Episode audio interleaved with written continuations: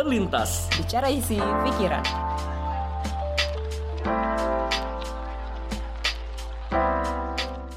Halo, selamat, datang, di podcast terlintas. Bicara isi pikiran. Apa kabar semuanya? Iya, apa kabar semuanya? Pendengar lagi libur. Oh iya lebaran, betul, lagi libur lebaran, Iya. lagi Mudik. mudik atau yang di Jakarta ya, lagi dimati, jaga kota. Jaga kota, jalanan sepi. Iya, sepi, lengang. Wow. Ya luar biasa sih memang udah mulai dikit yang jualan, nyari makan udah mulai susah. Kayak apa ada yang kemarin sempat baca katanya kalau misalkan bisa promosi Indonesia nih katanya kalau lebaran. Kalau mau ngerasa bagaimana efek Thanos katanya ke Jakarta waktu lagi lebaran katanya. Karena hilang setengah banyak, banyak orang Iya, hilang. banyak orang hilang langsung. Emang sih langsung sepi banget sih. Biasanya depan rumah juga udah mulai rame kan banyak aktivitas. Kali ini Iya, sepi banget tadi pagi di komplek aja aduh sepi banget. tapi ini momen yang harus dinikmati. Iya, betul. Nah, kali ini kita kembali lagi nih di episode baru Ya, betul. dengan judul temanya apa, Sarah? Masa ke masa. Masa ke masa. Masa ke masa. Jadi kita di sini ya seperti namanya sih semua klise banget ya Klise sudah ya. kelihatan ya kita membahas masa kita sebagai manusia sebenarnya ya masa kita sebagai manusia dari masa ke masa gitu kayak kita punya masa masa lalu Iya. masa masa sekarang masa masa depan nah kita mau coba bahas tiga tiganya nih dengan kita ngelihat problemnya gitu kita ngelihat ya pokoknya yang kita bisa pelajari dari masa ke masa Iya, gitu karena ini emang hal yang sebenarnya itu lekat dengan diri kita, Hmm. tapi memang kita mungkin beberapa ada yang nggak kepikiran bahwa bicara masa, bicara waktu itu ternyata kaitannya itu penting buat kita pahamin, khususnya untuk kita bisa melakukan hal ke depan dengan lebih baik. Iya iya iya. Jadi nggak langsung lewat kayak misalkan orang kayak misalkan gue deh suka misalkan ngerasa lah kok cepet banget ya tiba-tiba udah pertengahan Iya. bulan eh pertengahan tahun. Bener, Terus bener, kayak bener. dan itu kalau misalkan kelewat emang nggak ada kita nengok ke belakang untuk coba cari sesuatu kayak ya udah kayak lewat Iya, kayak cepet banget Dan gitu. kita kayak ngerasa nggak berbuat apa-apa Iya, karena iya, benar. ya paling rutinitas saja yang dilalui. Hmm. Ini jadi bicara pemaknaan juga ya. Iya benar pemaknaan. Yang pasti ini kembali nanti ke diri kita sendiri bakal jadi harapan ya ketika dengar podcast ini jadi ada sebuah hal yang terpikir Betul. buat para pendengar semua. Iya iya benar benar benar. benar. Ya, jadi buat memang ada sebuah pendapat gitu. Jadi bahwa katanya memang ada empat hal yang bisa mempengaruhi manusia. Hmm. Itu satu pertama keunikan diri sendiri, yang itu sebenarnya sempat kita singgung di episode, episode Yang sebelumnya. sebelumnya, ya mungkin boleh didengar kalau Boleh yang belum dengar, ya. Yang kedua itu soal lingkungan. Jadi di mana lingkungan kita berada itu yang akan ngebentuk kita. Hmm. Yang ketiga orientasi masa depan. Tas dulu. Ya bagaimana kita melihat masa depan kita. Sama yang keempat itu bicara masa lalu. Oh, jadi masa lalu oke. kita itu yang buat diri kita seperti saat ini. Oke. Nah jadi ini bahasan yang pas untuk tema, Tema kita, kita, masa ke masa masa. Karena ada bicara dua hal yang tadi ada masa lalu dan orientasi masa depan. Iya, oke. Dan yang sekarang nih yang kita Iya, lagi jalani. Iya, kita tambahin masa sekarang. Iya, oke. Jadi eh, pendengar juga boleh nih siap-siap kita mau ngejelajah masa lalu kita, ngejelajah masa sekarang kita dan masa depan kita yang bahkan mungkin belum belum kita laluin ya, tapi Iya. udah bisa kita bayang-bayang kayak gitu. Dan ini kita akan ngobrolin dalam tentang hal itu ditambah Hmm. dengan data-data dan juga hal-hal yang kita rangkum juga Hmm. dari berbagai sumber. Iya, betul. Dan kita mulai saja. Oke, kita mulai dari sesi pertama kita. Iya. Nah, di sesi pertama kita mau bahas apa nih, Sar? Nah, pertama kita mau bahas soal masa lalu dulu dong. Masa lalu. Iya, kita ngelihat ke belakang dulu nih, flashback dulu. Nah, kalau ngomongin masa lalu nih, kita kan pasti ngomongin waktu nih sebenarnya. Iya. Masa kan juga sebenarnya dalam definisinya kan masa tuh waktu ya. Iya. Pokoknya sesuatu yang kejadian yang ya berhubungan dengan waktu. Nah, ini gue jadi inget ada dua term nih, term dari Yunani. Yunani. Iya ada Yunani yang mungkin sebenarnya mungkin familiar mungkin enggak sih untuk beberapa orang. Nah itu adalah Kronos sama Kairos. Oh, Kronos dan Kairos. Bukan Thanos ya. Bukan Thanos. Walaupun sama-sama OS ya belakangnya. Os, os, Iya, os semua. walaupun ada ada ada sangat pautnya sih. Cuman nih Kronos dan Kairos. Kronos dan Kairos. Oke, ya. jadi kalau definisi umum ya sebenarnya Kronos itu kronologi ya, Kronos, kronologi itu sesuatu yang yang ada timelinenya gitu. Ngomongin Iya, soal posisi waktu lah gitu ya. Urutan waktu Iya, gitu urutan ya. benar kronologi ya, benar urutan waktunya. Sedangkan kalau Kairos itu juga dekat dengan kesempatan, momen gitu. Momen. Oh, Jadi kalau ada yang bilang semua kairos Hmm. kesempatan pasti ada kronosnya, ada urutannya nih. Kita punya momen, kita pasti inget tuh awalnya mungkin kita bangun pagi, terus kita Diisi eh, dengan diisi apa. dengan apa, tapi misalkan tiba-tiba sorenya kita kecelakaan. Ah, Nah, jadi prosesi dari bangun pagi eh, kronologi waktunya sampai kecelakaan itu bisa jadi itu kronos Iya. tapi kairosnya barangkali si kecelakaan yang jadi kairos kita karena itu momen yang jadi penandanya dah momen yang jadi kayak checkpointnya gitu sih Oh gitu. Jadi iya itu eh, asumsinya adalah yang gue tangkep kalau Hmm. bicara waktu itu jadi sebenarnya dari rentetan waktu itu jadi sebenarnya di tiap waktu yang ada itu sebenarnya kan kronos tuh waktu yang iya berjalan. oh, betul Jadi eh, kita bisa tahu tanggal berapa, jam Iya. berapa, eh, detik berapa, tahun berapa. Hmm. Tapi apa yang diisi dalam waktu tersebut itu yang disebut dengan kairosnya. Iya betul Kairosnya Hmm. yang yang gampangnya sih menurut gue Kairos tuh sesuatu yang momen yang bermakna dalam rentetan hidup kita aja sih sebenarnya. Oke. Kalau menurut gue sih simpelnya kayak gitu sih. Jadi momen yang penting lah ya. Iya kesempatan. em, Sesuatu yang mungkin nggak terulang lagi gitu. Iya betul nggak terulang lagi dan ada di ya, Di momen itu di aja. momen itu aja. Di, ha-ha, di waktu itu tapi ya di momen itu. Iya kalau kayak makan setiap hari Iya. kita makan kayaknya belum belum pantas disebut Kairos gitu. Iya, gue ngerti bisa. Jadi asumsinya kayak gini nih. Hmm. Misalkan nih jam jam setiap jam 12 siang gua makan. Hmm. Itu kronologi kan. Iya. Dan itu bisa terulang lagi besoknya gue jam 12 siang gue makan. Mandi makan pergi mandi Iya. makan pergi gitu. Cuman apa yang gue isi di jam 12 siang itu sebagai makan siang bisa aja berbeda-beda. Iya betul. Itu mungkin jadi itu kali ya eh, momen Momen momennya ya gitu itu. pada pada waktu itu akhirnya gue misalkan milih makan nasi goreng besoknya gue makan Hmm. nasi padang besoknya tiba-tiba gue ada suatu hal yang nggak terduga akhirnya gue Hmm. nggak makan siang makan siangnya jamnya beda itu yang Bisa jadi nah si iya Kairos itu menggambarkan kairos itu jadi momen yang Momen- iya gitu Iya, the moment of yang kita ingat lah gitu Iya. spesifik. Oke, nah, oke, oke. jadi kalau Paham, ngomongin paham, Kronos dan Kairos, tapi gue pengennya nih mungkin akan lebih apa ya, akan lebih deep kok kita ngomongin Kairosnya nih. oke Karena dari kalau kita coba flashback, pasti ada banyak momen-momen yang sebenarnya kayak bikin kita jadi pribadi yang agak beda gitu. Bikin kita berubah atau bikin kita jadi ya jadi pribadi yang pribadi yang ya ya beda lah. Nah ini enggak gua ngajak lo juga untuk bisa sharing nih soal kairos yang kita udah lakukan, yang kita sudah punya di masa lalu nih. Nah, tapi lebihnya lebih terlebih pada kairos yang barangkali udah terjadi yang kita ambil, yang sudah ada atau yang kita lewati nih kairosnya. Yang itu ngebentuk kita ya jadi pribadi ya. Oh jadi maksudnya gue coba sharing hal yang terjadi di masa lalu gue itu bisa aja apa aja ya berarti ya? Bisa apa aja, bisa apa Mau aja. yang positif kah, negatif kah yang pernah terjadi? Iya, dan itu membentuk kita gitu. Iya. Jadi pribadi. ada sih sebenarnya. Hmm. Ini pertama kalau misalkan bicara Kairos itu gue 2013 waktu itu kan gue pulang dari makan bareng sama teman. Hmm. Nah, itu biasa aja sih gitu. Hmm. Eh, cuman menurut gue itu ada kejadian menurut gue itu momen yang buat gue membekas banget di hati gue walaupun kejadian nggak enak.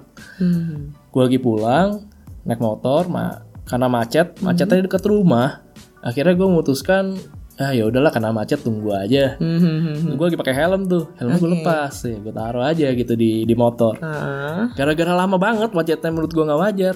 Ya akhirnya gue mikir ah gue ganti rute lain lah. ah, oke. Gue udah membuat pilihan tuh di situ. Iya. Yang gue tadi bisa milih gue mau ya udah ikutin aja macetnya, padahal udah deket banget sama rumah, nggak jauh. Akhirnya gue milih, ah ya udahlah biar lebih cepat waktu, gue muter jalan aja biarpun lebih jauh, tapi gue waktu lebih cepat lebih cepat sampai. Dan ternyata pilihan itu bawa dampaknya luar biasa. Dari gue akhirnya melepas helm, akhirnya gue memilih untuk cari jalan lain. Saya jalan lain, oke. Gak jauh dari tempat itu, gue kena macet, gue kecelakaan. Kecelakaan yang di mana sampai sekarang gue nggak tahu penyebabnya apa. Gue ngerasanya tuh kayak hidup tuh bener-bener kalau orang bilang hidup singkat bagaikan uap atau bagai embun pagi atau kayak sekedar membalikkan tangan, gue bener-bener berasa banget di situ banget ya. Karena apa? Lu gak tahu perpindahan lu gak sadar dirinya kapan. Hmm. Kayak mungkin kita tidur kita nggak pernah tahu kan kita kapan kita tidur gitu. Kita lagi mencoba-coba tidur, toto tidur gitu Iya. kan lu nggak pernah tahu kan eh gini gue gue detik lagi gue tidur nih Iya, iya, iya. Ya kan? Tiba-tiba jep, Iya, tiba-tiba tidur jep, aja gitu. dan lu mimpi gitu Iya, iya, iya. dan itu yang gue rasain saat gue kecelakaan Oke, serem sih. iya dan ibaratnya Hmm. kalau gue saat itu nggak ada tewas gue jadi bener-bener paham maksud orang bilang arwah penasaran tuh kayak gimana Oh itu yang benar-benar gak tahu apa-apa Iya, karena- lah. karena lu ngerasa lu hidup gak ada terjadi apa-apa Tapi gitu. bener lu saat itu bener-bener tiba-tiba jep aja gitu, hilang Iya. gitu, bener-bener gelap gitu langsung. gue ngerasa gue kayak kayak kayak mimpi jadinya Oh. sampai gitu. satu momen Oke. tiba-tiba itu kejadian setengah lima sore kan gue melek tiba-tiba tuh di rumah sakit udah jam udah jam 7 atau setengah delapan malam pas Oh, gue iya, udah sadar gue udah mulai siuman gue gue bingung loh gue di mana nih Iya iya iya. Ya, gue gue di rumah sakit. Terus gue pas lagi mau coba bangun gerak, Hmm. bahu gue sakit luar biasa. Jadi emang karena kecelakaan itu gue ngalamin gegar otak ringan. Hmm. Bagian pala kanan gue ada luka, sama bagi bahu kanan gue tulang selangkanya, klavikulanya tuh patah. Ouch. Di situ gue ngerasa han- maksudnya kesel, sedih, Hmm. hancur. Karena apa satu, gue ngerasa, aduh coba gue sabar gitu. Iya iya. Hadapin macet gue nggak akan kayak gini. Kedua, ini biaya jadi gede nih. Biaya, hmm, biaya iya, bengkak banget ya. tuh pasti. Ya kan lu lumayan kan bikin pening pala. Ketiga, kerjaan gue jadi kacau. Hmm. Karena waktu itu gue selain ada kerja yang sekarang masih gue lakukan, gue ada waktu itu jadi freelancer juga buat bikin artikel. Oh. Gara-gara kejadian itu intinya gue dipecat. Sementara Oh, masukan dari aduh. iya. Sementara pemasukan dari artikel itu sangat ber- be- menolong sekali buat kehidupan gue sehari-hari di rumah. Iya iya iya. Itu gue inget sih. Ingat ya? Iya, itu ingat soalnya waktu kan kalau ini mungkin kalau pendengar yang mungkin ya nggak di situ ya. Iya. Terus saat itu kan memang teman mainnya juga banyak kan. Pas pertama tahu kabarnya, oh ya nih si Koran masuk rumah sakit kecelakaan kecelakaan terus kayak kita datang tuh udah muka udah udah udah diem terus yang bikin lucunya ini nggak lucu sih ini ini shock juga sih karena dia pas sadar tuh ngulang-ngulang terus nanya terus nih ngaco ya? iya ngaco banget tanggal berapa tanggal terus kita langsung kayak takut kan nih waduh nih kalau hilang nih memorinya mati lah gitu semuanya nangis semuanya sedih gitu emang berarti si Kairos ya ini juga ini ya momen yang nggak cuma berdampak ke lo tapi kayaknya semua orang juga orang bisa juga tahu kena. oh ini ini emang momen yang Iya. yang kalau keinget lagi tuh semua pasti kayak inget gitu oh iya nih si, si Randy ini pernah ke sana dan itu terrified Iya. terrified banget sih kita yang denger aja ya terrified gitu jadi ngeri terus coba balik lagi dulu gimana tuh Iya, dari situ akhirnya gue jadi merasa segala sesuatu berat gitu. Hmm. Gue bener-bener kayak hancur banget tiap malam. Pokoknya nangis jujur gue waktu itu gue Oh, boleh nangis gitu. Kenapa ini terjadi? Karena ma bapak gue kasihan kan jadi jadi pusing. Adek gue juga Hmm. eh, susah. Gue ngerasa Ih, hal kecil kok jadi dampaknya gede gini. Hmm. Ini karena sombongnya gue juga sih. Sebelumnya gue ngomong sama teman gue, gue nggak pernah tuh namanya diopnam, dijahit, Oh. dioperasi, di anestesi, di infus. Eh, sekalinya itu paket semua dapat. sepaket semua ya maka kata orang tuh pamali tuh Iya, gitu makanya nggak boleh sombong emang iya kita. iya bener-bener langsung des Langsung satu paket dikasih semua. wah gile gile Ya, gile pada intinya itu emang terlewati, gitu, ya, terlewati. Tapi dengan konsekuensi yang pasti adalah gue sebenarnya udah jadi orang yang cacat. Gue orang yang udah pernah patah tulang, masih ada implan, eh, ada bekas jahitan besar juga di bahu kanan, dan itu udah jadi bagian dari gue gitu. Nah itu momen yang terjadi karena ya itu gue melihat itu sebagai mungkin itu ya, kalau lu gambar kair- kairos suatu momen yang nggak bisa keulang eh, saat itu terjadi walaupun itu nggak enak ya tapi ya itu yang pernah gue alamin. Selain jadi mungkin biar nggak sombong ad- apalagi nggak yang itu bisa mengubah mungkin sesuatu di dalam diri lo gitu? Oh ada jelas. Kalau misalkan lu ambil pemaknaan gue akhirnya emang melihat satu hidup itu emang singkat lu nggak tahu eh, hidup lu sampai kapan. Kayak, kayak tadi gue bilang kan orang mati sama gue pingsan itu kayak nggak ada bedanya sebenarnya waktu itu. Karena nggak nggak tahu batasnya kayak gimana gitu.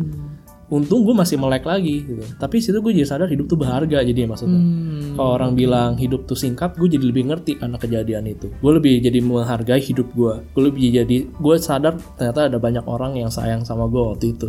Dengan perhatian yang banyak diberikan.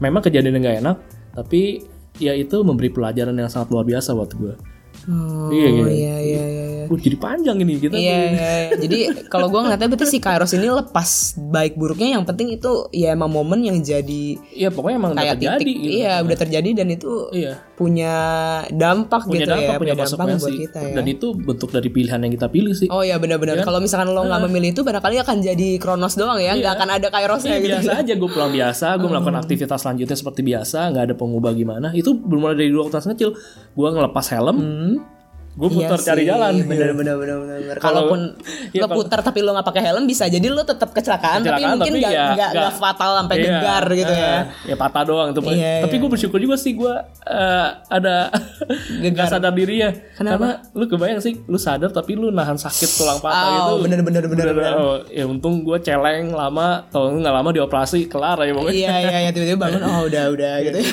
Oke oke oke itu jadi dari si Kronos dan itu kayak bisa ambil kes, apa ya bukan kesimpulan sih. Berarti kayak yang membentuk lo sampai sekarang ini juga bagi itu bagian dari apa itu momen salah satu momen yang membentuk lo jadi kayak sekarang kan berarti sebenarnya. Gue bilang iya.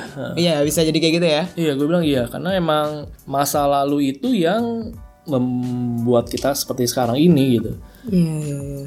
lu pasti juga pernah lah. Ini ini metode yang sering banget dilakuin. Jadi lu lu dikasih kayak tool lah, lu dibilang tools lah dibilang. Jadi lu cukup gambar kayak kurva. Hmm. Nanti lu bisa rutin nih, biasanya mau eh, kejadian sama waktunya. Oh oke, sumbu X-nya yang horizontal tuh eh, waktunya sumbu gitu X-nya ya. lu kasih waktu, Y-nya lu gambarkan sebagai kejadian. Hmm. Nah itu lu bisa lu rutin juga kan tuh. Eh, misalkan kejadian yang paling berkesan buat lu baik itu momen suka ataupun duka. Hmm. Nah di situ lu bisa tulis tuh kan, bisa misalnya tahun 2000, misalnya kayak gua misalnya Hmm. 2012 gua ta- lulus wisuda gitu kan. Eh, pertama kali gue lulus wisuda, nah itu momen yang berharga buat gua. Hmm. Pertama kali kerja, misalkan pertama kali akhirnya kecelakaan tadi, Hmm. akhirnya pertama kali kehilangan pekerjaan, itu kan momen naik turun tuh. Hmm. Nah itu kalau kita buat itu hasilnya menarik banget buat kita lihat gitu. Iya, oh iya, ternyata hidup kita Berdinamika wah, banget ya, Iya. kayak heartbeat gitu ya, bisa naik banget, turun banget, naik Kalau- banget, turun banget. Kalau yang sering dengar podcast nih kayak spektrum suara juga lah tuh. Oh iya benar benar benar benar betul, betul, turun. betul, betul. Karena ada yang pelan, ada yang kencang gitu ya. Jadi Iya. kayak kayak ini banget ya naik naik turun banget.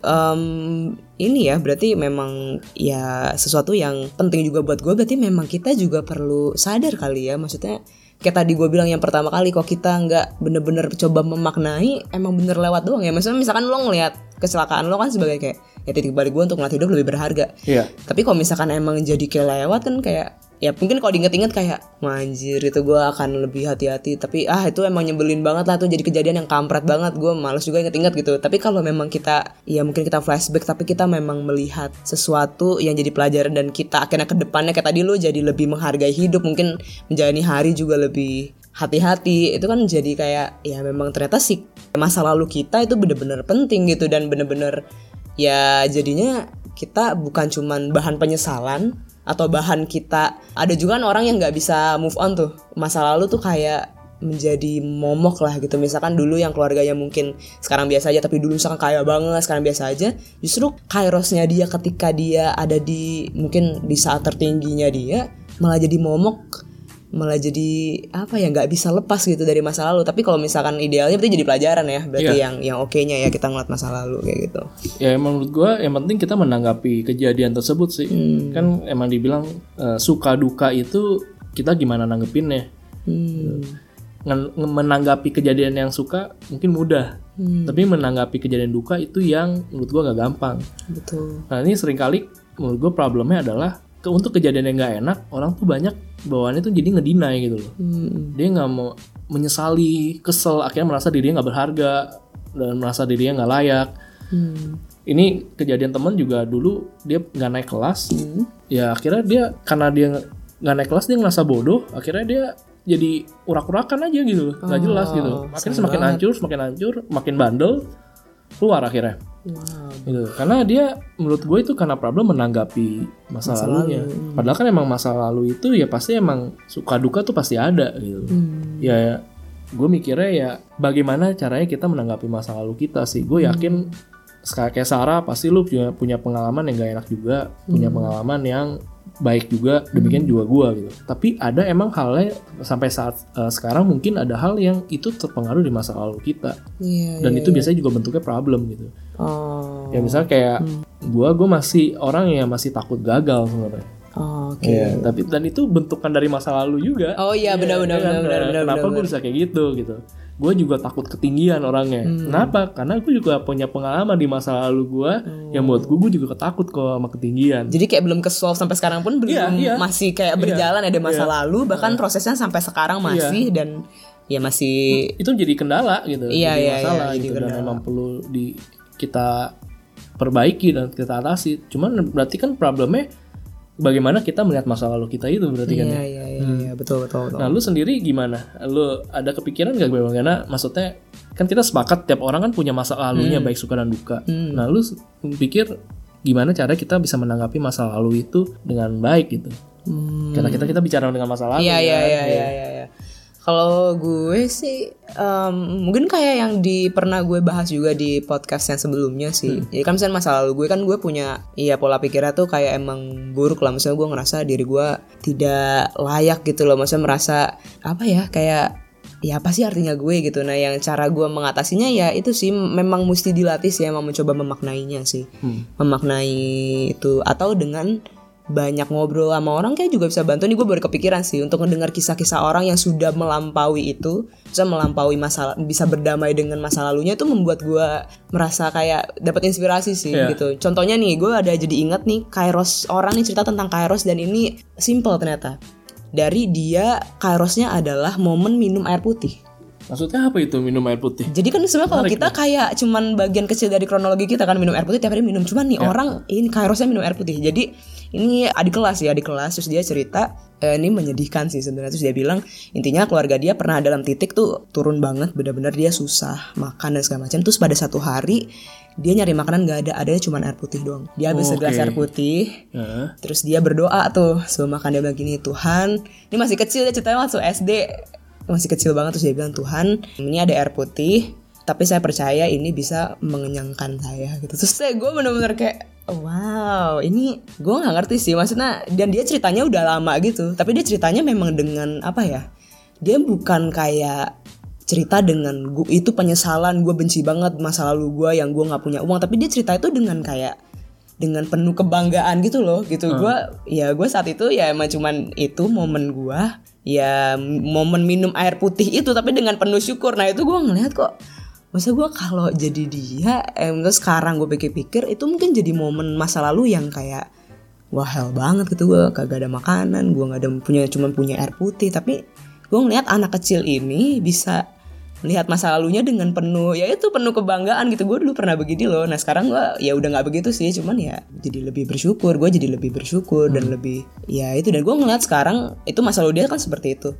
cuman ngeliat dia yang sekarang ya memang orangnya ya ya nggak tahu ya happy go lucky aja gitu. Maksudnya ya ya kelihatannya sih seneng seneng aja. Cuman ya gue indikatornya sih melihat dia cerita kayak gitu sih. Maksudnya itu masa lalu yang bisa diceritakan dengan ya nggak tahu sih mungkin dia sedih sih saat itu. Cuman kayak gue ngeliatnya dia aja bisa ngeliat masa lalunya dengan seperti itu. Dan gue jadi kayak jadi membantu gue ya ampun berarti ya harus melihat ya lebih baik gitu melihat mendapat gambaran yang Tapi menurut lo orang kayak gitu sebenarnya dia punya pandangan baik di momen buruk dia pada saat itu atau emang baru saat ini? kayak baru saat ini dia eh mungkin mungkin ya Mungkin ya. mungkin ya, jadi dia mampu memaknai dengan baik ya. Berarti kan semua orang kan mampu memaknai sebenarnya semua masa lalu. Dia mampu mem- memaknai dengan baik dan itu jadi kayak membantu gue juga sih untuk kayak ya membuat gue ikut coba memikirkan dan memaknai lagi nih memaknai ulang nih. Ini anak bisa maknain dengan baik nih. Iya. gue juga bisa bisa gitu. Nah itu mungkin salah satu sih caranya dengan berkomunikasi sama orang gitu. Gue jadi punya satu pertanyaan nih, mungkin buat gue sama lu bisa diskusi lebih lanjut nih Sar. Mungkin kalau buat suatu bicara kan kita emang masalah kan naik turun kan banyak, momen yang nggak enak. Mungkin, mungkin untuk suatu hal yang sebenarnya keadaannya karena itu penyebabnya kita, kita bisa terima. oh Misal contoh nih, gue melakukan kesalahan. Ya, gue bisa maklumin ya. Ya udah deh, gue itu emang salah gue. Gue nggak boleh lagi kayak gitu. Tapi gimana kalau kejadian gak enaknya itu hal yang sesuatu di luar kuasa lu? oh iya sih Bencana alam misalkan rumah lu banjir, rumah lu rusak semua. Atau enggak lu baru beli motor, motor lu hilang. Hmm, Lu baru lu lagi ngerjain skripsi, udah mau kelar nih, data hilang semua. iya iya Gitu. Terus kalau misalkan eh, lu punya lu punya pasangan gitu, ternyata pasangan cheating sama orang lain. ekstrim ya Iya. Nah, itu kan gak enak tuh. Dan itu bukan Dan kayak itu bukan, karena kita iya, oh, iya, bukan iya. karena lu yang buat itu kan. sama kayak contoh tadi gak sih itu kan misalnya dia lah maksud kondisi keluarga kan juga bukan dia sebagai anak kecil juga Nah, iya bukan gitu. dia kan gitu kan Nah, yang- jadi menurut tuh ada gak sih kayak cara-cara buat kita bisa lebih memaknai itu jadi lebih baik dan sebagai bagian masa lalu kita. Karena emang sebenarnya kan berarti kan pembahasan kita adalah ya kita perlu embracing. Uh, our past, Our past, gitu, kan. ya, huh. Nah, how to embrace our past if the Yang- case like that gitu. if the case like kita nggak milih gitu Iya, untuk iya. itu gitu Beyond Oke. our control. aduh ekstrim ya Em, mungkin lo mungkin lo ada contoh gak sumpah bingung sih coba ya pikir-pikir dulu Gue ada contoh sih, Ra. dan ini emang na- nanti lu boleh tambahin ya versi lu. Gue emang belum menemukan formula versi gue sendiri. Hmm. Tetapi gue di belajar dari bukunya Mark Manson kembali lagi itu bersikap tuh masa bodoh. Jadi pada intinya adalah segala kesegajaan yang terjadi baik suka ataupun duka, jika hal itunya mengenai tentang diri kita, perasaan kita, itu udah tang- tanggung jawab kita walaupun penjawabnya orang lain. Misalnya kayak contoh kayak kayak gini deh. Misalkan kayak gambarinnya contoh yang gampang itu ya kayak tadi lah misalkan ada orang punya pasangan. Hmm. Nah, dia udah pacaran lama, eh ternyata pasangannya selingkuh. Hmm. Secara kasusnya yang terluka adalah orang yang diselingkuhin. Iya, ha. Yang salah adalah Ya. yang orang yang selingkuh Iya, pacarnya. ha, ha. Cuman di sini luka yang dihadapin sama orang yang ditinggalkan, ibaratnya lubang yang ditinggalkan Hmm. itu yang masih sakit, itu nggak bi- kita nggak bisa minta pertanggungjawaban itu sama orang yang melakukan kesalahan kepada terhadap Iya, kita. ha. Dia hanya bisa meminta maaf. Lukanya masih ada kan? Iya, ya iya, misalnya iya, gitu iya, loh, iya. lu lu dikhianatin, misalkan ada orang buat jahat sama lu, Uh-huh. orangnya minta maaf nih, ya maaf ya Sar, gua gua akuin gua salah Hmm. gitu, gua janji nggak akan kayak gitu lagi. Udah, dia cuma bisa sampai segitu Iya, doang. iya, iya, iya, cuma benar, masalahnya kan lu yang ngalamin tuh, lukanya, sedihnya, Iya, betul. downnya, itu udah tang- mau nggak mau itu udah ditanggung jawab lu. Hmm. Jadi emang lu yang harus bisa bangkit dari sendiri. hal tersebut. Karena emang nggak bisa ya mau nyalain dan minta orang sembuhin juga nggak bisa ya. dan itu udah jadi bagian diri lu dan lu harus embrace it gitu. Hmm. Nah itu yang gue baca dan sedang gue coba terapin gitu. Jadi apa pun permasalahannya baik yang kita lakukan atau orang lain lakukan terhadap kita yang udah tinggal dalam hati kita yang kita rasakan itu udah jadi tanggung jawab kita karena itu udah jadi bagian dari kita kesannya emang kayak nggak adil ya tapi emang hidup kan kayak gitu Iya, emang kayak gitu Iya, ya. hidup kan emang apa ya ini yang menarik juga kan maksudnya hidup tuh buat beberapa orang kalau buat Mark Manson sendiri bilang hidup tuh masalah Oke, Iya. hidup tuh masalah. kalau di ajaran Buddha hidup tuh penderitaan. Kalau misalkan ya di agama Kristen, jadi bilangnya kan hidup tuh bagaikan pertandingan. Iya, gitu. salah satu ininya Iya. ya. Oh, Nah, betul. artinya emang hidup tuh pada dasarnya ya emang, perjuangan dan gak mudah gitu. Ya, kayak lagu Dewa ya hidup adalah perjuangan tanpa henti-henti, usaha kau menangisi hari kemarin. Iya, Berarti kan pas banget kan kayak gitu. Betul, betul. Nah itu yang gue pikirin sih. Oh, Nah, itu. lu kalau lu menurut lu gimana? Gue sih ngeliatnya jadi kayak ini aja sih, maksudnya tuh level yang lebih tinggi aja sih bagaimana kita ngelihat si maksudnya tuh kan bagian kalau ngomongin Kronos Kairos itu kan Kairos yang sangat pertama itu yang kurang ba maksudnya kurang mengenakan kedua ya karena bukan kita yang ngalamin tuh bener-bener jadi kayak menurut gua outputnya tuh orang akan lebih susah menerima ya karena bukan dari dia sih cuman itu aja sih paling ada perbedaan level dan menurut gua ya emang kita harus berusaha lebih keras sih untuk ya itu mencoba mencari pemaknaan lah minimal pemaknaan kecil bagian mana kita bisa jadi pelajaran sih ngeliat dari Iya. yang kayak gitu Ya gue setuju. Gue jadi inget conversation menarik di Game of Thrones. waduh ini buat tuh yang nonton mungkin tahu ini s- bagian seru di season Hmm. 8 jadi ada pembicaraan tuh antara Theon Greyjoy sama Bran jadi Theon Hmm. ini Game of Thrones tuh menarik karena menurut gua pengembangan karakternya tuh bikin lu suka jadi benci jadi kasihan iba apa yang lu bilang wah nih jadi Oh. Dinamis keren. banget iya ya, dinamis gitu ya. banget dan demikian sebaliknya yang lu anggap oke jadi ih kok jadi begini Hmm. kok jadi begitu tiba-tiba dia beda lagi Tion juga sama Hmm. dari yang dia biasa nyebelin akhirnya dia menjadi orang yang ingin menebus kesalahan Hmm. intinya dia berbuat ada berbuat salah sama si Bran Stark ini dia pas lagi Bran Stark lagi di diburu sama Night King mau dibunuh si Tion yang mau jagain dia karena dia ingat kesalahan masa lalu dia dia ngomong gini sama Bran dia manggilkan Bran gue mau lu tahu gue berharap segala hal yang gue lakukan du belum selesai ngomong Hmm. si si Bran langsung stopin gitu Hmm. apa yang lu lakukan dulu itu yang membawa lu sekarang saat ini gitu Oh. jadi apa pun itu Hmm. ya masa lalu kita baik suka duka itu buat kita saat ini Saat ini ya. Hmm. itu sih menurut gue emang ya emang penting yang kita di Iya. sesi kali ini cuman Benar, memang benar, bagaimana kita memaknainya Benar.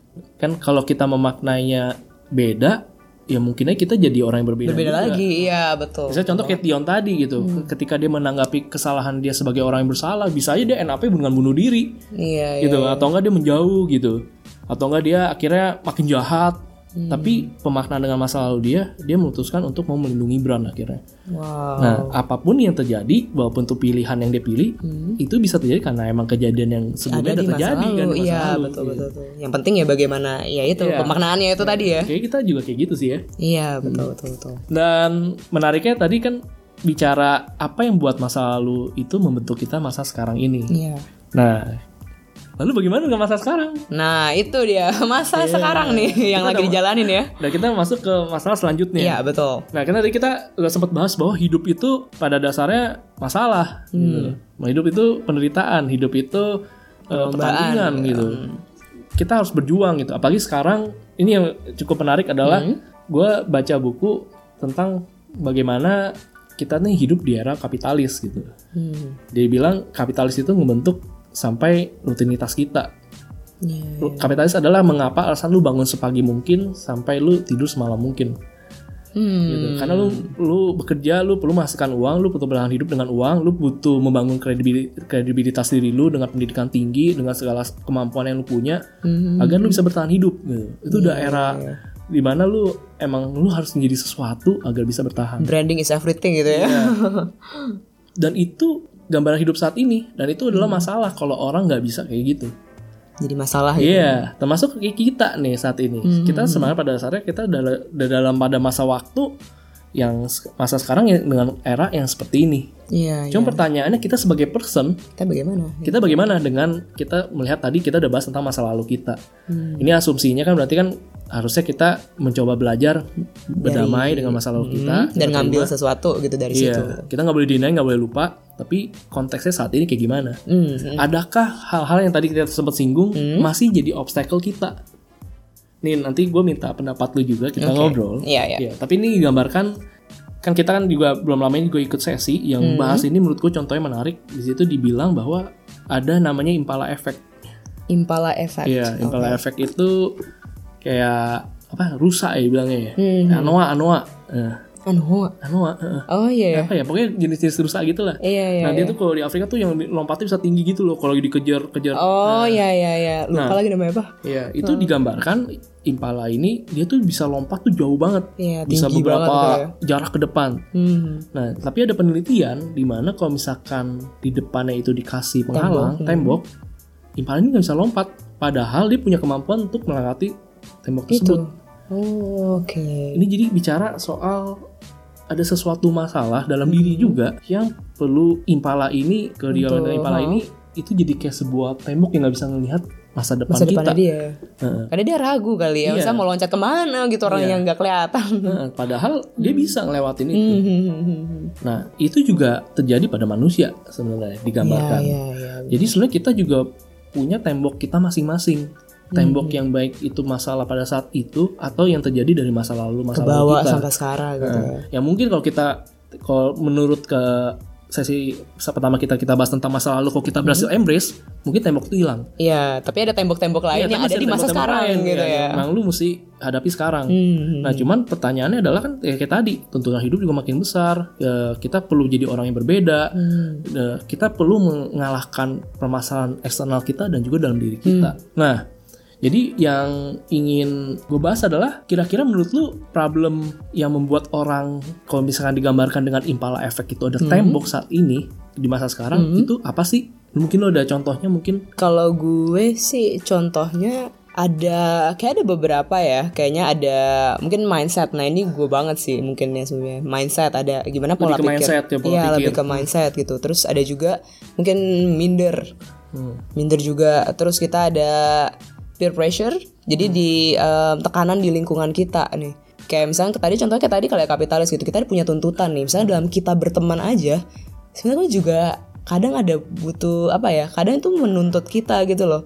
Kayak ada tembok-tembok ya gitu kita misalkan mau main tapi tuntutan pertemanan kita membuat kita harus fokus misalkan kepada mungkin penampilan atau apa. Jadi kita yang harusnya tadinya bisa fokus ke hal lain jadinya ya fokusnya ke yang lain gitu. Terus ada juga comfort zone nih zona nyaman nah itu apa ya mungkin tuh contoh-contohnya kali ya contoh-contoh yang tembok-tembok yang, tembok-tembok yang ada mungkin ada sampai saat ini. iya gitu. betul betul betul untuk kita bisa berkembang. Gue gue setuju sih. Karena ini kayaknya semua kembali soal mindset. Hmm. Ya, jadi kalau misalkan emang mindsetnya kita dalam menghadapi masa sekarang, Hmm. maksudnya dengan tantangan yang ada sekarang kita ngerasanya nggak mungkin salah dan nggak mungkin, ya kita membuat kita jadi nggak berkembang. Hmm, iya iya. Jadi iya. gue setuju.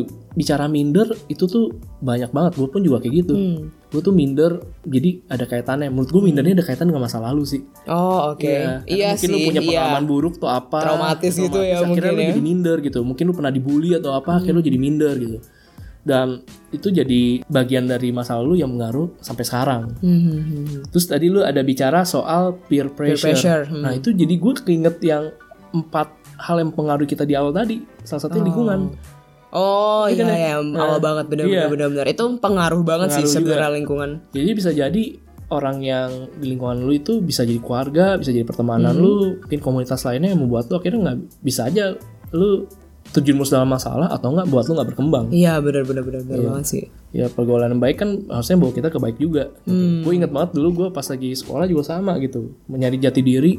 Gue biar bisa diterima di lingkungan, gue ikutnya belum belum anak-anak nakal, ikut geng gitu lah.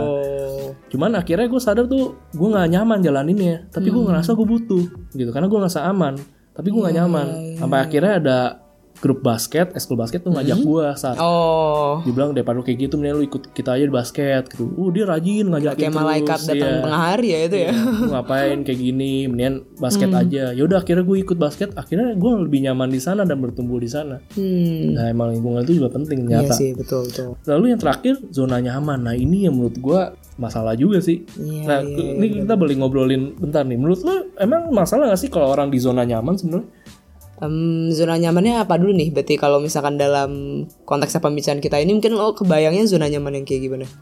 ya tahu apa pun, apa pun, itu. itu Oh, Oke, kalau gua sih zona nyaman ya untuk meng apa untuk diri kita sekarang kayaknya asal balance sih. Menurut gue sih zona nyaman tuh apa ya nggak sesuatu yang selalu buruk sih. Cuman kalau kita mau nyaman terus dan kebanyakannya di situ tapi nggak melihat di luarnya ada hal baik lainnya, nah itu yang jadi masalah sih. Misalnya sih menurut gue, misalnya kita comfort zone-nya adalah kalau gue ya, misalkan gue kan sebenarnya introvert.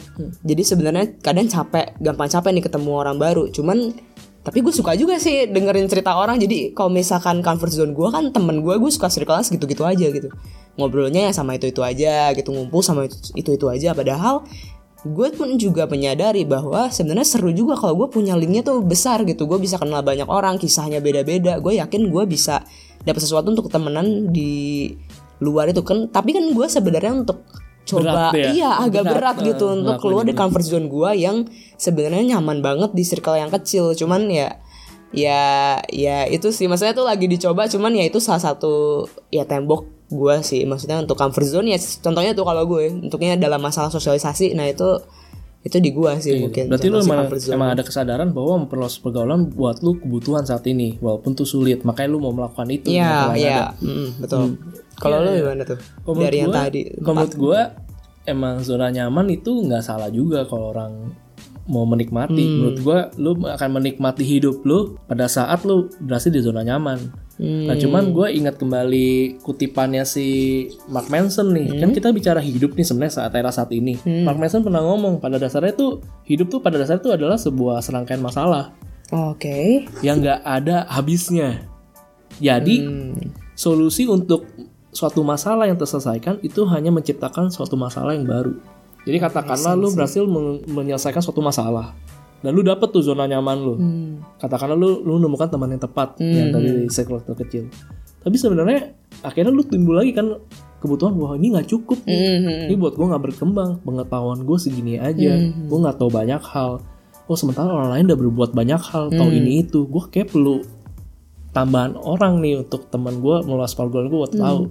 Nah itu timbul masalah lagi sebenarnya dari sebenarnya Oh masalah iya sebelumnya. iya iya. iya. Nah jadi menurut gue ya sebenarnya hidup tuh ya kayak gitu. Tapi zona nyaman tetap, tetap perlu, lu tetap menikmati momen lu saat itu, saat Betul. lu berhasil.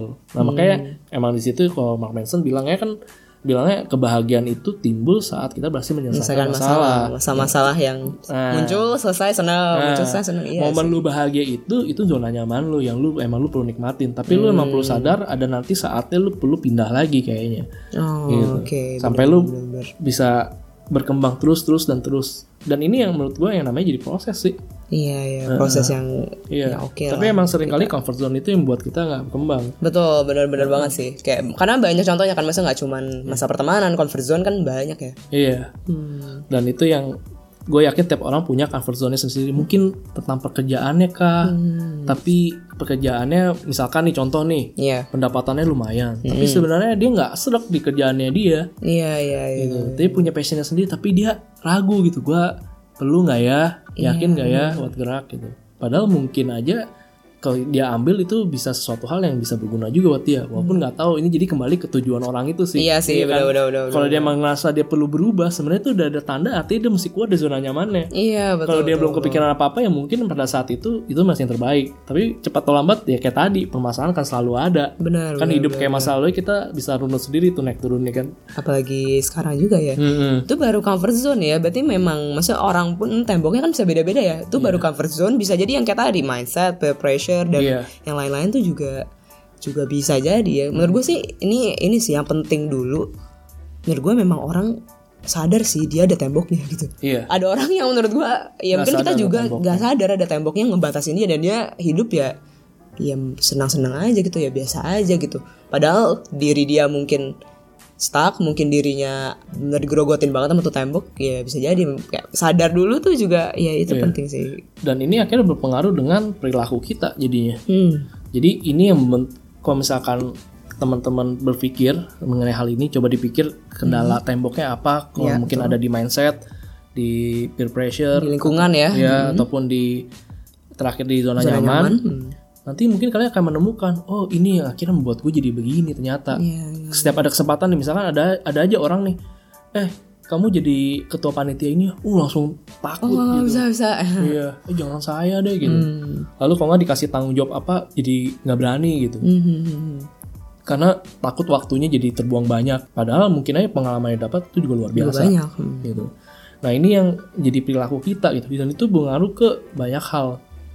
Dan bahkan ya kayak tadi kita bilang saat ini kan kita eranya saat ini kan benar-benar keras nih. Iya, Kita iya harus benar berjuang. banget. Nah itu yang kalau kita nggak sadarin tiga hal tadi itu Hmm. ya, tentang mindset kita yang berhubung dengan zona nyaman, minder dan sebagainya atau peer pressure itu yang menurut gue buat kita jadi pribadi nggak excellent sih sebenarnya. Oh, nggak excellent nih ya berarti ya. Iya. mm-mm. Bener bener bener. Nah karena menurut gue emang salah satu kuncinya adalah kita itu harus bisa jadi pribadi yang excellent.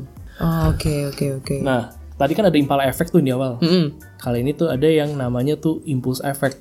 Waduh, Nah menurut keren banget namanya Iya, ya. dan itu menurut gua pas banget sebagai lawannya. Hmm. Ya, nah, ini impulse effect ini juga sebenarnya kan di, ditahu pada sesi yang sama pada saat gua tahu tentang impala effect. Hmm.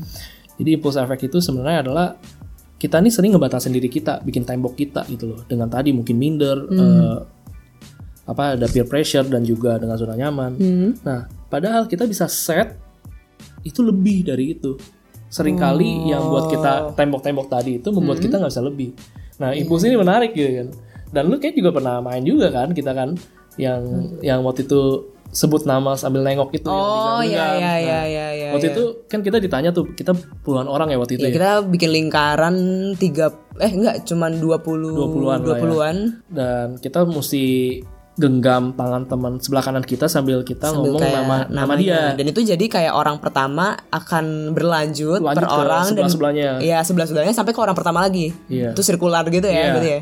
Nah itu diukur waktunya berapa detik. Mhm. Kita waktu itu minta waktunya berapa? Satu orang kan Iya. 13 kalau nggak salah 14 detik untuk Iya. bisa eh, berjalan ke 20 orang. Iya. Muter 20 orang 13 detik tuh waktu itu. dengan berbagai macam alasan. Hmm. Iyalah kayaknya itu udah paling oke. Iya nggak Iya. mungkin bisa lebih daripada itu. Hitungannya satu orang aja sedetik lah ya, kayak nggak mungkin deh.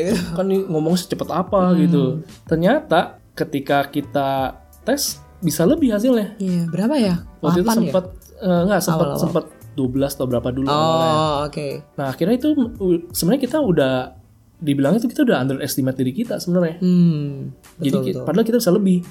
Lalu kita dipacu lagi. Coba bikin yang lebih Iya, lebih kita- lebih cepat lagi bisa nggak? Kita bikin 8 detik waktu itu. Iya, ya. Terus terus 8 detik coba coba coba awalnya gagal-gagal tapi berhasil. iya, iya. Turun iya. lagi jadi 7 detik berapa gitu. Hmm. Ditantang lagi bisa lebih cepat di bawah 5 detik. Wah, akhirnya dapat juga kita pokoknya 4, 4, berapa ya? 4 detik berapa gitu. Terus tuh jauh banget Jauh ya 4 banget. sama 13 tuh Dari dari banget sih. iya itu Lebih dari setengahnya kan berarti. iya. Dan Hmm. kita juga mungkin kayak gitu. Bener-bener. Apa yang kita lihat kayak gue nggak mungkin deh ngelakuin ini. Iya, iya. dengan segala hal yang terjadi dari gue, kemampuan gue, masa lalu gue.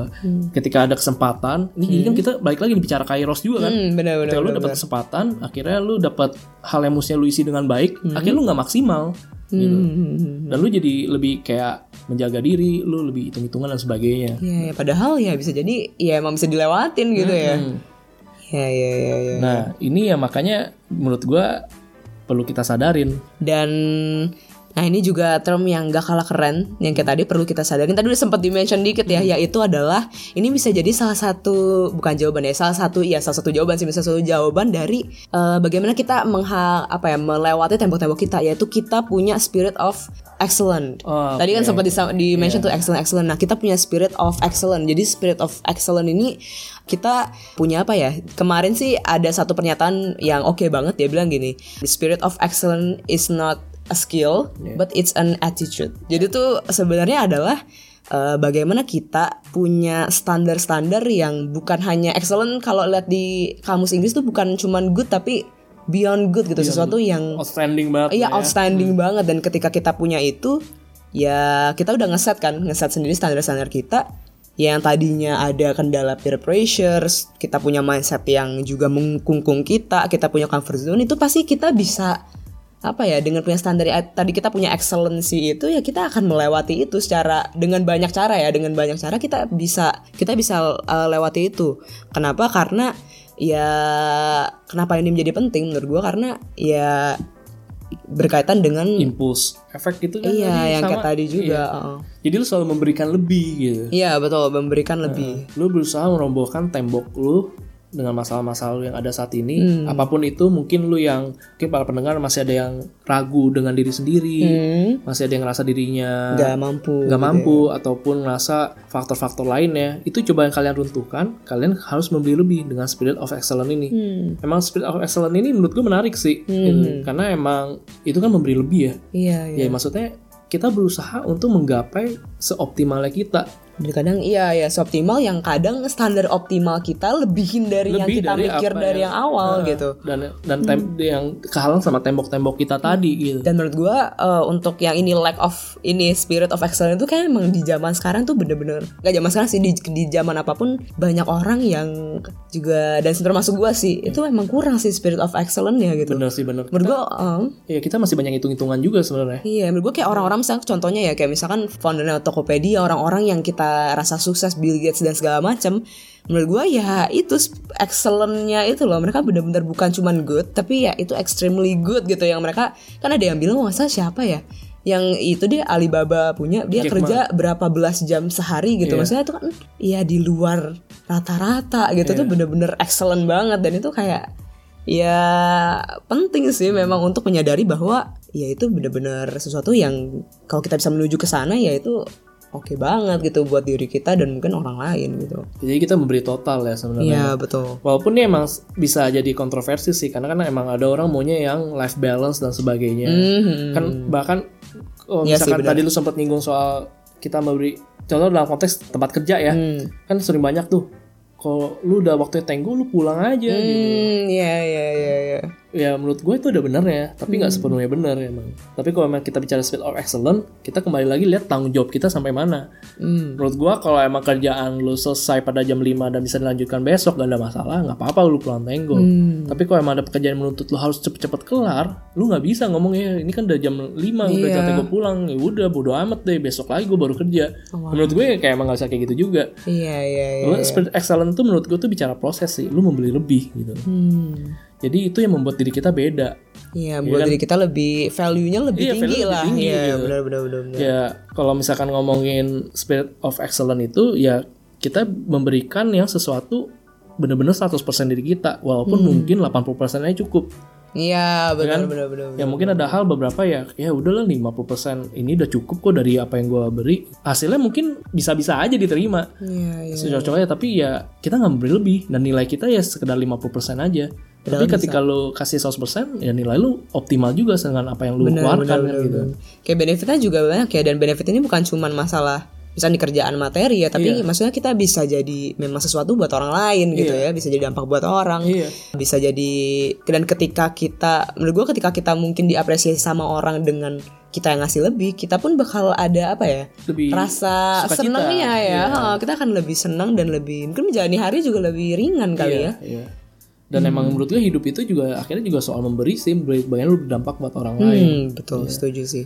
Ya kalau lu kerjanya pas-pasan ya udah. Kan makanya ada dulu ada cerita tuh, ada orang kerja lama loyal banget gitu sama perusahaannya. Tapi dia nggak nggak nggak gaji ya naik terus, tapi dia nggak pernah naik pangkat. Tapi ada orang baru kerjanya 2 tahun malah naik pangkat. Akhirnya orang ini bertanya sama bosnya, kok dia bisa naik pangkat? Saya kan udah lebih lama gitu kan. Saya kerjaan juga selesai selesaikan.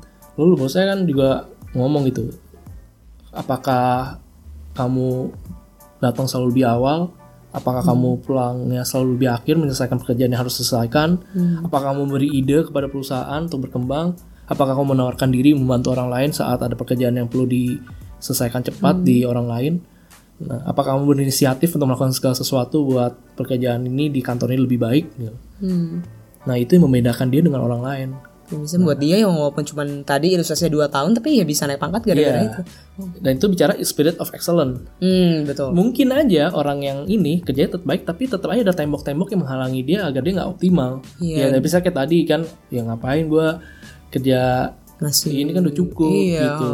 Terus atau enggak ya atau enggak mau orang lain ah nggak usah lah gitu kan nanti uh, itu kan bagian dia. Oh, gitu. oke. Mindset itu kembali ke mindset kan. Iya, betul betul. Lalu juga mungkin ada zona nyaman dia, aduh, gua kan udah, udah enak, ngapain gua ngebantuin lagi kerja yang lain gitu. Iya, gue mau yang lain ngapain lah gitu. Hmm, nah itu yang mesti dihancurkan. Iya dan yang tadi tuh pertanyaan tadi tuh yang apa ilustrasi tadi tuh boleh diulang-ulang itu kadang menampar gue juga aja diulang-ulang bagian situ apakah berangkat lebih pagi apakah berinisiatif tuh itu pertanyaan Iya. yang bagus banget sih apalagi buat yang mungkin lagi kerja sama kalau yang kayak kuliah atau sekolah kan juga bisa mungkin pertanyaan-pertanyaan kayak gitu apakah kita udah misalkan datang lebih pagi Iya. kita udah cari ilmu di luar dari Iya. dari uh, cuman mata pelajaran sekolah itu kan juga bisa ya mu- mungkin harusnya membuat kita sadar sih bahwa Benar-benar. spirit of excellence kita jangan-jangan emang Iya. tidak ada atau kurang, gitu. Dan ini bisa diterapkan di mana aja di keluarga juga bisa gitu. Kamu sebagai anak, sebagai kakak, sebagai adik misalkan udah jadi adik yang excellent belum, anak yang excellent belum. Hmm. Apa di rumah cuman kerjanya makan tidur, pergi lagi gitu. Hmm. nggak ada perhatian ke rumah, nggak ada coba membersih bantu membersihkan rumah Hmm. dan sebagainya. Itu jadi satu hal juga gitu. Betul, betul. Karena menurut gue spirit of excellence ini bukan cuman karena berdampak, berdampak sama orang ya. Kayak misalnya tadi kerja biar kita naik pangkat, biar kita dilihat orang kayak gimana. Tapi memang menurut gue emang itu udah jadi apa ya? Kitanya sendiri pun bakal ikut merasakan oh ternyata potensi gue sebesar ini. Maksudnya benefitnya pun dalam diri kita berasa pasti walaupun bukan dari luar doang gitu. Iya. Kayak gitu sih. Dan itu yang perlu kita sadarin saat ini Iya, sebagai masalah sekarang. Karena ini lebih bicara ke proses sih. Karena Iya, proses itu nggak membohongi hasil. Hmm. Karena proses itu membuat kita jadi lebih mahal. Betul. Karena orang-orang yang rajin kerja di tempatnya masing-masing membuat dia di value lebih sama perusahaan. Iya benar. Karena teman-teman ada orang yang baik memberi perhatian lebih kepada teman-temannya akhirnya sehingga disayangi sama orang lain. Hmm, benar-benar. Paling simple ya gini lah, lu mau beli buah, katakanlah strawberry lah, harga sekian kan, misal katakan 5000 gitu. Hmm. Tapi kalau misalnya dibikin jus harganya pasti lebih mahal kan? Iya, Ya, karena betul? Karena betul, itu betul. diproses. Diproses, iya, iya, betul, Diproses gitu. Diproses yang membuat kita lebih mahal. Spirit of excellence ini menurut gue ngebantu kita di masa sekarang untuk kita ngebantu proses lebih baik ke depannya. ke depannya. Oke, Hmm. berarti Ya, jadi kita harus bisa memberikan yang terbaik lah ya. iya Karena betul. pada saat ini juga karena menurut gue yang penting kalau kita udah sadar ini yang perlu kita perbaiki, Mhm. Tinggal gimana kita melihat masa depan. Iya, betul. Nah, masa depan ini yang juga nggak kalah penting karena menurut gua masa sekarang harusnya kita udah tahu peran kita apa dan tujuan kita ke depan kayak gimana benar benar gitu. sih. Karena percuma lu saat ini masa lalu lu embrace, masa sekarang lu bisa ngerti oh gue perlu kayak gini-gini, tapi lu nggak ngerti sebenarnya tujuan hidup lu sebenarnya juga apa ke depan. Itu masalah sejuta umat ya kayaknya apalagi yang umur-umur Iya. kayak gue ya. Kan istilah kerennya apa tuh? Mid midlife. Iya, kok Apa tuh, apa krisis- quart- apa quarter, quarter life, life ya. Nah, itu tuh tujuan dan itu kita ya orientasi kita, tadi. eh, ya. orientasi jadi Masa depan kita. orientasi masa depan gitu. Jadi ini yang perlu kita hati-hati juga. Di masa sekarang ini kita juga bisa melihat juga ke depan kita arahnya mau ke mana. Dan ini jadi bahasan yang menarik juga sih menurut gua. Karena ya menurut lu, lu sendiri gimana melihat orientasi masa depan? Eh, menurut orientasi masa depan sih pasti apa ya punya pengaruh yang besar dari sekarang dan masa lalu sih. Tetap itu Hmm. tetap ada. Tapi nah soalnya gue agak bingung sih karena gue pun juga masih mencari Ini PR kita sih, iya iya itu PR banget sih sumpah. Melihat Emang masa depan. kita ini mungkin dan, iya iya iya. Dan ini pakai kita ngajak teman-teman yang dengar untuk Juga coba ikut, memikirkan gitu iya, ke depan kita jadi apa gitu jangan-jangan sampai sekarang pun kalau ditanya tujuan hidup kita apa kita juga nggak tahu Iya benar-benar. Kita sekarang bisa kerja, bisa ngapain aja, ngejar, bikin ini, bikin itu. Tapi kalau misalnya orientasi masa depan kita juga nggak jelas arahnya ke mana kan juga. Iya. Ini mau dibawa ke mana nih masa gue yang sekarang nih, diri gue yang sekarang mau ke mana gitu. Jujur ini mungkin pembicaraan sesi satu dua kita emang kurang lebih ngerti pakem-pakemnya lah. Tapi emang bicara orientasi ke depan ini nampaknya kembali ke pribadi masing-masing. Betul. Kita karena ini bicara lu melihat potensi diri lu apa dan lu mau ber, lu mau melihat diri lu berperan sebagai apa di kehidupan ini. Dan ini berkaitan dengan masa depan kita. Karena kalau kita punya tujuan kan ya pastinya kita ngerti kita mau ngapain Iya, gitu. iya, iya. Mau ngapain ya jelas lah bakal dapatnya apa, nantinya mau ke mana. Ya ini sama kayak isi skripsi sih menurut gua. Oh. gitu. Kalau lu ngerti apa yang lu buat, tujuannya apa, lu bikinnya pasti gampang. Iya, ya jalan aja lah Iya, nggak tahu nggak berasa kelar aja. Walaupun mungkin bikinnya ya naik turun gitu. Waduh, ini ada susah ribet cari datanya. Bener bener bener. Tapi kalau lu emang nggak ngerti lu mau buat apa, ya udah lu akan stuck, di bab satu terus. Mungkin di judul aja lu bingung mau mau bikin apa gitu. Aduh nostalgia nih ya kalau pendengarnya juga Iya, udah lewatin skripsi atau lagi mau. Nah tuh. Cuman emang gue ini bukan hal yang gampang. Gue pun masih mencoba mencari-cari. Bicara masa depan, gue hanya berprinsip gue pengen menjadi pribadi yang bawa dampak buat banyak orang. Hmm, Ya. Karena menurut gue akan percuma kita hidup tapi lu nggak ada kontribusi apa-apa. Hmm, Ya. Kalau kata Enos kan hidup bukan, soal, durasi tapi soal kontribusi. Dan gue setuju banget akan hal itu.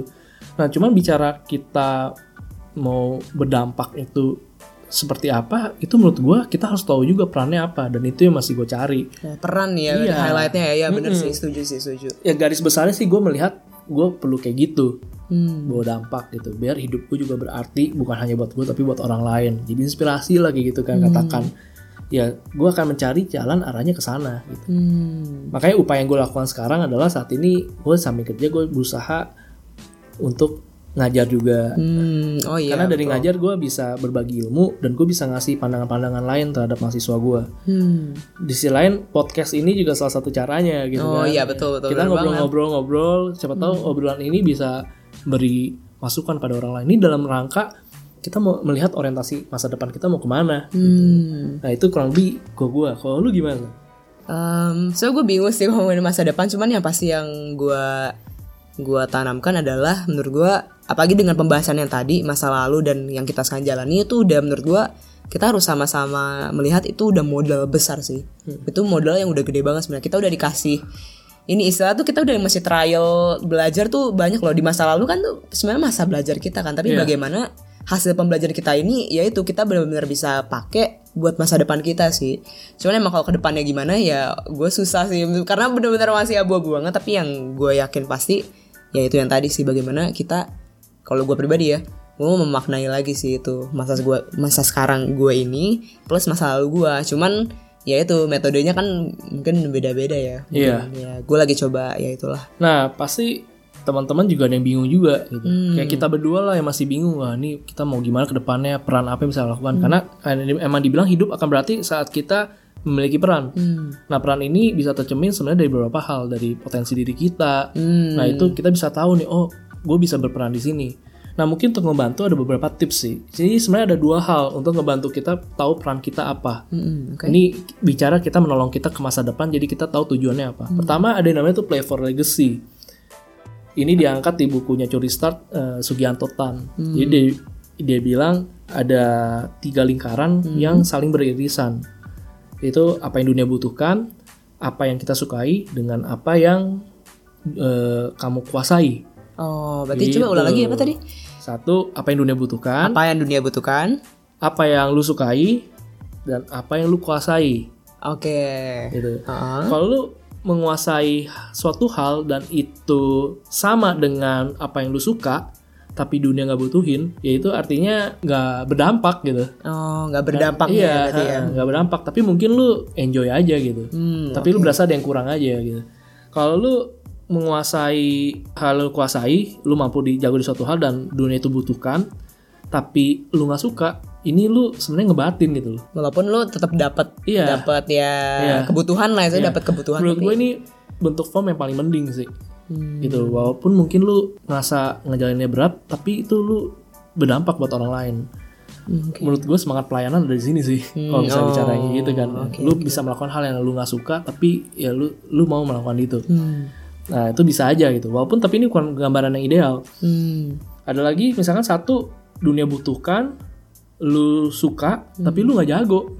aduh Nah, itu juga nggak maksimal ya. iya gitu, benar benar benar benar benar benar Nah, kalau lu punya tiga-tiganya, ini ada satu irisan namanya play for legacy. Nah itu lu akan ngejalanin dengan baik. Wow, cool sih. Tapi ini baru versi sederhananya. Hmm. Ada lagi versi rumitnya. Hmm. Itu tuh namanya ikigai. Oh iya iya. iya, gue gue sempat dengar sih. Iya, ikigai itu tuh lebih kompleks. Dia karena ada penambahan lagi. Di bawah kalau dia mirip kayak Oh, Playful Legacy. Kalau misalkan kita bikin di bulatan atas itu apa yang dunia butuhkan Hmm. bagian kiri kita tulis apa yang kita sukai kanan apa yang kita kuasai Hmm. dia ada lagi lingkaran lagi di bawah Apa tuh? itu kita bisa dapat apa dari situ Oh, dibayar gitu kita Oke. tahu ya kita dapat imbalan lah gitu Hmm, hmm, hmm, jadi kalau misalkan itu lebih lengkap hmm. itu hasilnya tuh lebih berperan dan bahagia.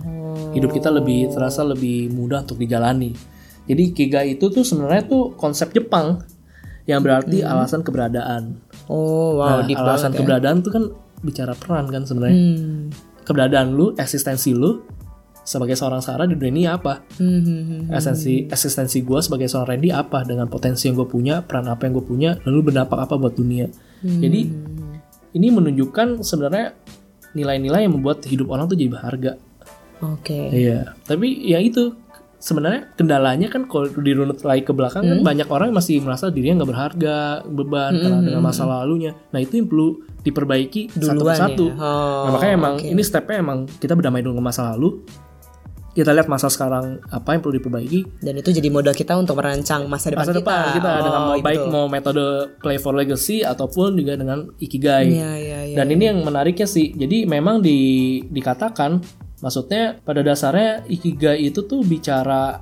untuk kita bisa menjadi dampak ke orang lain sebenarnya. Oh, dampak ya highlightnya Iya. itu ya. Beri dampak ke orang lain. Makanya ini menurut gua eh, ketika baca ini gue merasa ini cocok juga buat gua gitu. Karena Hmm. gua emang secara umum adalah gue pengen hidup gua berharga dengan memberi dampak ke orang lain. Nah, jadi ini bisa dipakai juga sama teman-teman yang lain. Iya, benar benar benar. Tadi apa namanya? Ada Playful Legacy, Oke. ada satu lagi namanya Ikigai. Ikigai. Nah, itu boleh tuh buat Ikigai konsep. juga. Jadi bisa dilihat aja kalian merasa hobinya apa, sukanya apa, passionnya di mana. orang passion orientasinya apa? passion gitu itu juga unik loh. Kesannya Hmm. kan sesuatu yang kita sukai ya. Padahal passion itu artinya penderitaan. ya. Oh, iya bisa sih. Iya. kan? Nah, Iya, iya, iya, iya, iya, benar benar. kayak nangkepnya kenapa lu mau dalam penderitaan itu. Hmm. Jadi ibaratnya lu bisa bertahan di penderitaan itu gitu loh. Kayak lu menyukai sesuatu yang sebenarnya menyusah payahkan lu juga Iya, gitu ya. Tapi ya itu emang sesuatu yang sebenarnya beri lu gairah jadi Iya, iya, benar ya benar. itu makanya menurut gue juga menarik gitu. Mm-mm. Lalu cari apa yang lu bisa kuasai gitu. Kalau lu bisa menguasai suatu hal walaupun mungkin lu bukan yang lu suka nggak apa-apa mungkin bisa lu jalani dulu aja siapa tahu tiba-tiba itu jadi jadi hal yang lu sukai juga. Mm-mm. Kalau misalnya lu ngerasa ngebatin banget dan buat lu nggak enak ya mungkin lu mesti berani take leap gitu loh. Iya. Untuk pindah ke hal yang lu sukai. Yang pasti lu mesti lihat juga apakah dunia ini butuh atau tidak. Hmm. Cari apa yang dunia butuhkan juga dan lu bisa berperan walaupun mungkin kecil ya. Iya, iya, iya, iya. Walaupun mungkin kecil. Hmm. Jadi walaupun mungkin porsinya nggak besar, Hmm. Wa- walaupun lu merasa gue kayaknya cita-cita gue jadi polisi ya polisi dibanding kayak eh, seorang Mark Zuckerberg yang bikin startup apa bisnis besar kan emang kayaknya beda ya Jauh tapi, gitu tapi ya, masalahnya dunia tetap tetap butuhkan Iya, betul, betul. di situ Benar, benar, benar, benar, benar. benar. dan lu mikir oh gue pengen buka tempat makanan gitu Hmm. ya nggak apa-apa gitu walaupun lu cuma buka usaha makanan biasa gitu pecel lele doang katakan di suatu komplek tapi lu udah beli manfaat buat orang sekitar Iya, iya, iya. gitu. Apa yang lu suka, apa yang lu mampu, dan apa yang orang butuhkan, ya lu jalan aja. Pagi lu bisa dapat imbalan dari situ, Iya, bisa iya, hidup dari iya, situ betul, kan. betul, Nah, ikigainya dapat semuanya. Nah, jadi dari masa depan tetap bagaimana kita bisa sampai ke sana ya dari kita ngambil dari masa lalu dan itu ya bagian kita merencanakan di masa Iya. yang sekarang gitu Iya. kita Iya. uh, istilah kita mengumpulkan amunisi kita gitu Iya. untuk nanti di masa depan. Jadi intinya kita tahu tujuan kita ke depannya apa. Ya. Mm-mm. Ya intinya sih gitu kali ya. Iya, kita ya, ini kan udah cukup Heeh, uh, ini ya. juga. Walaupun ya masa depan mungkin memang karena kita juga masih Iya, menerawang ini PR kan. kita sama gini. Betul. Hmm, Karena emang tiap orang bisa beda-beda menurut gua, sesuai dengan passionnya dan juga ke- potensinya masing-masing. Iya, intinya- Tapi kalau boleh kita rangkum, kita coba rangkum dulu ya. Iya, ya, betul. Mungkin dari sesi satu eh, kan kita bahas tentang masa lalu. Hmm. Ya penting intinya adalah kita embrace ya. Iya, kita dealing, dealing Iya, with di past. masa lalu kita. Bukan dilupain ya, Iya, tapi bukan kita dilupain, iya. ngambil sesuatu dari eh, situ. dari masa lalu kita tanggapi gitu. Hmm. Terus kan eh, karena gue jadi inget juga nih cerita Game of Thrones. Hmm. Lagi-lagi Game of Thrones. kan yang buat nonton Game of Thrones tahu tuh akhir kisah memilukan gimana saat Jon Snow membunuh Daenerys. Oh, gue nggak tahu sih. Dia Gue nggak tahu. Dia intinya nih sebenarnya Daenerys ini orang yang disukai sama Jon Snow juga. Mereka saling cinta. Cuma oh gitu. Daenerys ini ambisinya udah berbeda. Dia pengen conquer the world dan itu akan menimbulkan banyak peperangan dan banyak korban jiwa. Hmm. Ada tadinya ibaratnya penasehatnya Daenerys ini namanya Tyrion Lannister. Hmm. Tapi intinya mereka berselisih lah. Dan karena beda pemahaman juga, karena dia nggak setuju Daenerys mau menaklukkan dunia gitu. Dia bicara ke Jon Snow, cuman dia bisa melakukan. Karena kan Tyrion ini dipenjara gara-gara dia bebasin eh, saudaranya yang sebenarnya musuh dari Daenerys ini. Oh. Intinya lu bisa melakukan hal yang tepat, lu bisa menghentikan semua ini. Akhirnya, tapi kan si Jon Snow ini setia, dia kan queen gua, dia queen gua. Akhirnya dia melakukan sebuah tindakan yang di luar dugaan yang mengejutkan semua para penonton Game of Thrones. Dia membunuh Daenerys Oh. demi tujuan yang lebih besar gitu loh. Jadi dia berusaha untuk menghindari banyak korban jiwa dengan akhirnya mengorbankan Daenerys. Hmm. Tapi Jon Snow merasa bersalah gitu loh. Dia benar-benar merasa bersalah karena dia itu wanita yang dia sukain dan dia ngerasa dia ngomong dia akhirnya kan di penjara dia ngobrol lagi sama Tyrion nih. Dia ngomong apakah yang gue lakuin ini benar karena ini ngerasa terasa tidak enak di gue. Tapi Tyrionnya ngomong kayak gini. Coba tanyakan ke gue 10 tahun lagi. Oh. Nah, Oke. Ini menurut gue dalam banget. Iya benar-benar benar ya sih. Keren keren. Iya, kejadian baik kita bicara masa lalu masa sekarang mungkin ada masalah kan. Mungkin ada hal yang buat kita nggak enak. Kita belum tahu jawabannya apa. Tapi mungkin berapa tahun lagi kita baru bisa melihat. Oh, ternyata ini dibalik ini semua. Ini makna yang gue bisa ambil. Oh, ini yang terjadi. Gak apa-apa. Itu yang membentuk diri gue sekarang.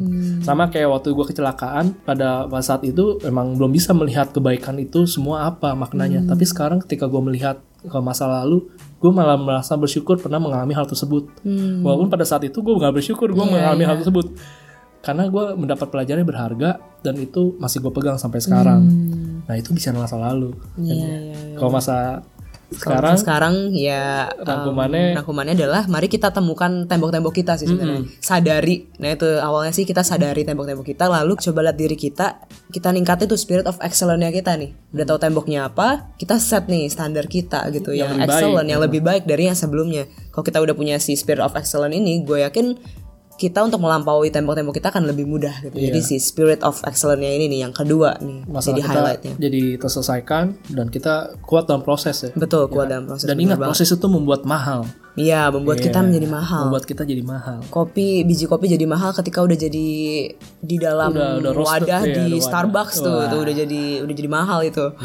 Terus yang terakhir berarti yang masa depan? masa depan ya ini kembali lagi ke masing-masing karena ini sebenarnya kan permasalahan yang Personal banget personal banget. sebenarnya. tapi hal yang bisa kita bantu adalah coba cari tujuan hidup kalian Dan perannya ya tadi ya. peran kalian perlu menemukan itu sesuai dengan potensi yang ada mungkin dengan tools yang dari Play, Play for Legacy yang lebih simple Ya, teman-teman bisa cari juga itu di Google juga ada nanti gambarnya atau enggak dengan Ikigai Iya, yang lebih yang lebih rumit Lebih rumit dikit. ya. Oke. Mm-mm. Ya paling itu aja sih. Iya, Eh, Sebuah penutup mungkin Sarah ada mau nyampaikan sesuatu mungkin. Eh, nggak nggak ada apa-apa sih. Nggak ada apa-apa ya, Kayak udah cukup lah, udah, udah, panjang udah, iya, banget. udah panjang banget tuh. Dan semoga ini bermanfaat buat teman-teman semua agar kita bisa melihat hidup kita jadi lebih beda. Betul. Ya, ingat hidup itu selalu ada akan ada masalah.